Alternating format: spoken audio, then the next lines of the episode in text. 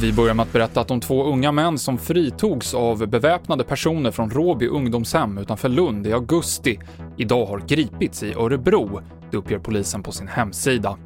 En av de fritagna är dömd för ett mord på Lidingö och den andra för ett mordförsök i just Örebro.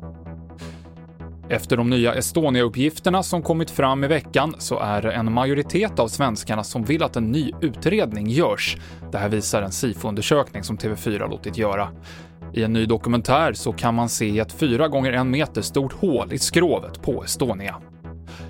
I Paris blev många oroliga idag efter att en hög smäll bland annat uppges ha fått hus att skaka.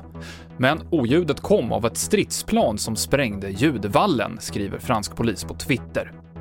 Och till sist ishockey, för nu står det klart att Henrik Lundqvist lämnar New York Rangers efter 15 säsonger och över 1000 matcher.